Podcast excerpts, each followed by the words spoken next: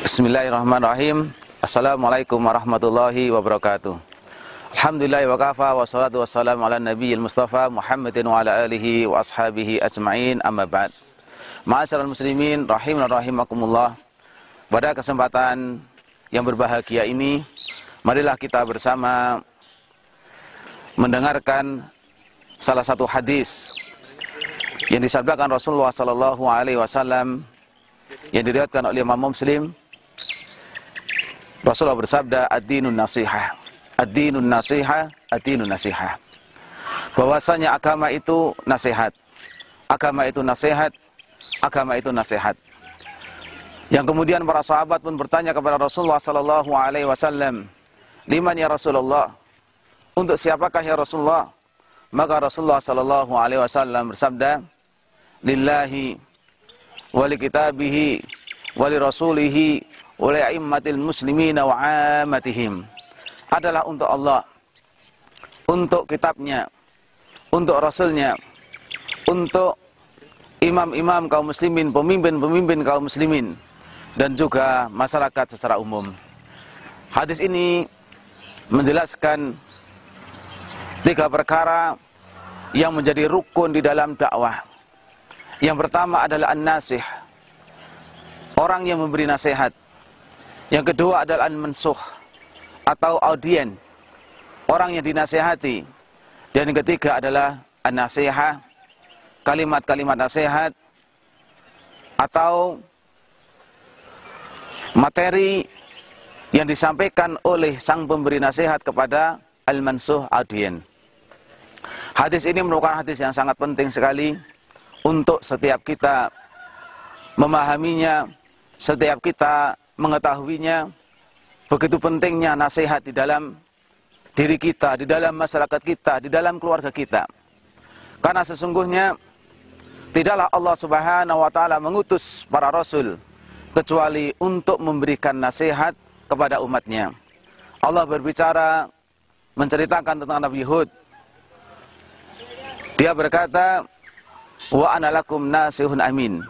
Dan saya ini adalah pemberi sang pemberi nasihat yang terpercaya kepada kalian. Dan juga Allah Subhanahu wa taala bercerita tentang Nabi Nuh alaihissalam wa uballigukum risalati rabbi.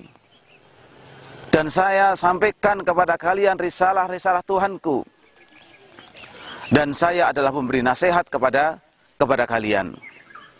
Rasulullah sallallahu alaihi wasallam tidaklah diutus oleh Allah Subhanahu wa taala kecuali untuk menyampaikan risalah Allah Subhanahu wa taala, kecuali untuk memberikan nasihat kepada kepada umatnya.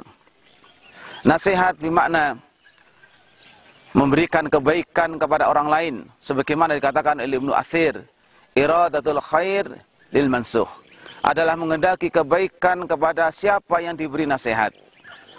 Tatkala seseorang memberi nasihat kepada dirinya sendiri, berarti diri itu ada, dia adalah cinta kepada dirinya sendiri. Memberi nasihat kepada orang-orang di sekitarnya, kepada keluarganya, kepada tetangganya yang dekat ataupun jauh. Maka sesungguhnya itu adalah bukti bahwasanya dia menghendaki kebaikan kepada orang yang dekat dengan dia, keluarga ataupun kerabat dekat atau kerabat yang yang jauh. Masyarakat muslimin yang berbahagia. Tatkala seseorang jauh dari nasihat, maka sesungguhnya akan merasakan gersang hatinya. Demikian pula tatkala keluarga kita yang kita cintai jauh dari nasihat, maka sesungguhnya akan gersang pula agama mereka. Dan tatkala masyarakat di sekitar kita jauh dari nasihat, begitu pula akan gersanglah agama dalam diri mereka, gersanglah hati mereka. Oleh karena itu Rasulullah Shallallahu Alaihi Wasallam memberikan penekanan sampai tiga kali Rasulullah bersabda, adinun nasiha, adinun nasiha, adinun nasiha. Bahwasanya agama itu nasihat, kebun nasihat, agama itu nasihat. Di mana agama yang ada dalam diri kita, keluarga kita ataupun masyarakat kita, ini ini akan tegak dengan adanya adanya nasihat. Oleh karena itu, setiap kita harus memahami begitu, begitu urgent, begitu pentingnya nasihat untuk kita tegakkan untuk diri kita sendiri, untuk orang yang kita cintai, ya, istri, suami, anak-anak, ya, kerabat dekat ataupun kerabat yang kerabat yang jauh. Yang pertama adalah nasihat untuk beriman kepada Allah Subhanahu wa taala.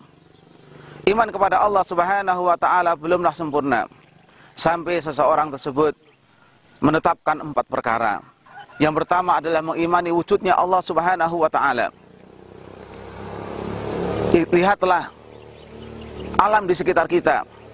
Maka sesungguhnya gunung-gunung, pohon-pohon dan semua benda yang ada di sekitar kita ini menunjukkan bahwasanya ada pencipta yang maha agung.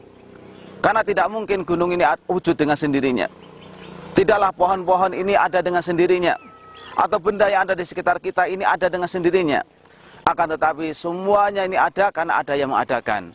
Dialah zat yang maha, yang maha agung. Zat yang maha tinggi. Allah subhanahu wa ta'ala. Secara fitrah manusia akan mengakui tidak ada, tidak mungkin sesuatu wujud dengan sendirinya kecuali ada yang mewujudkan.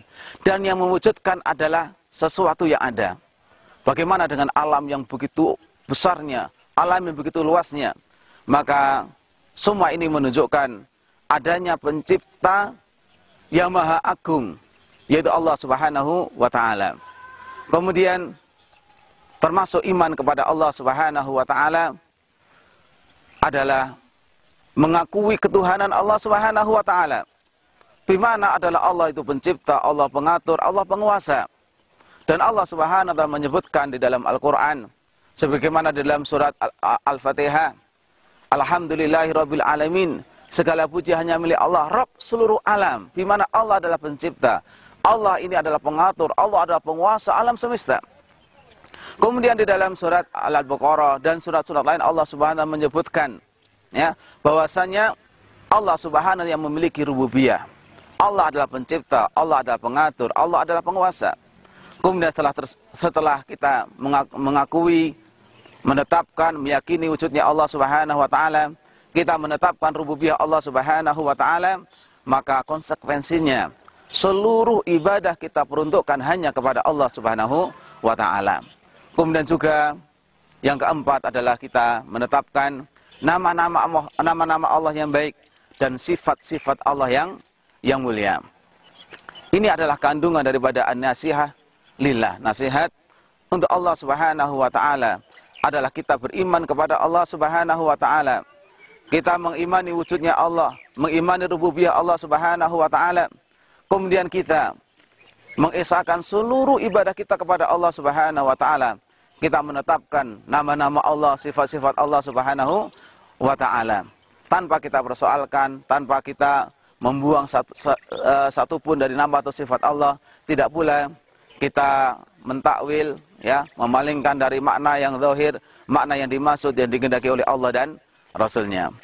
Kemudian nasihat untuk kita mengakui kenabian Nabi Muhammad sallallahu alaihi wasallam bahwasanya beliau adalah Muhammad utusan Allah Subhanahu wa taala yang diutus kepada seluruh alam bahkan jin dan manusia harus mengikuti syariat yang dibawa Rasulullah sallallahu alaihi wasallam. Kemudian nasihat uh, untuk kita mengimani kitab-kitab yang Allah turunkan kepada para anbiya. Dan kita juga mengimani secara secara global ataupun secara rinci. Secara global adalah kita meyakini, meyakini bahwasanya tidaklah Allah mengutus nabi kecuali Allah turunkan kepada mereka kitab dan kita mengimani secara rinci uh, kitab-kitab uh, yang disebutkan oleh Allah Subhanahu wa taala sebagaimana kitab Zabur, kitab Taurat, kitab Injil, kitab Al-Qur'an.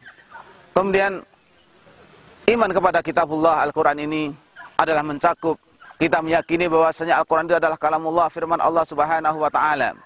Kemudian kita pun meyakini bahwasanya semua yang ada dalam Al-Quran adalah hak. Perintah Allah subhanahu wa ta'ala yang terkandung dalam Al-Quran adalah hak. Dan larangan Allah subhanahu wa ta'ala dalam Al-Quran adalah hak. Habar-habar Allah yang berkaitan dengan sesuatu yang belum terjadi adalah hak. Berita-berita Allah yang belum kita saksikan dengan mata kita, itu adalah hak. Kemudian kita melaksanakan apa yang Allah perintahkan dalam Al-Quran.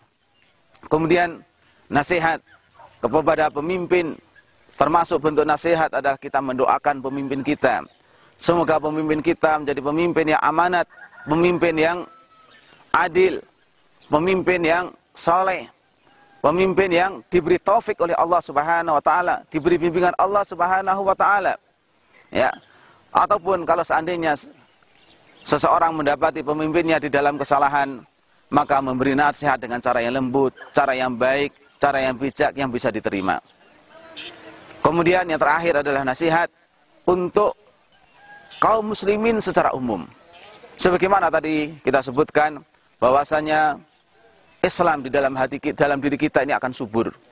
Islam di dalam keluarga kita akan subur. Islam dalam masyarakat kita akan akan subur tatkala ditegakkan nasihat tersebut. Tatkala nasihat ini kita hidupkan di dalam diri kita, di dalam keluarga kita, adalah pun dalam masyarakat masyarakat kita. Kaum muslimin rahiman rahimakumullah, barangkali itu sedikit yang bisa kami sampaikan. Semoga setiap kita diberi bimbingan Allah Subhanahu wa taala untuk selalu talabul ilmi, untuk menuntut ilmu, kemudian kita menyampaikan ilmu yang kita miliki. Kita termasuk orang-orang yang an-nasih, yang memberi nasihat dan juga kita termasuk al-mansuh yang mau menerima nasihat. Akhirul kalam wa sallallahu wasallam ala nabiyina Muhammadin wa ala alihi wa ashabihi ajmain. Wassalamualaikum warahmatullahi wabarakatuh.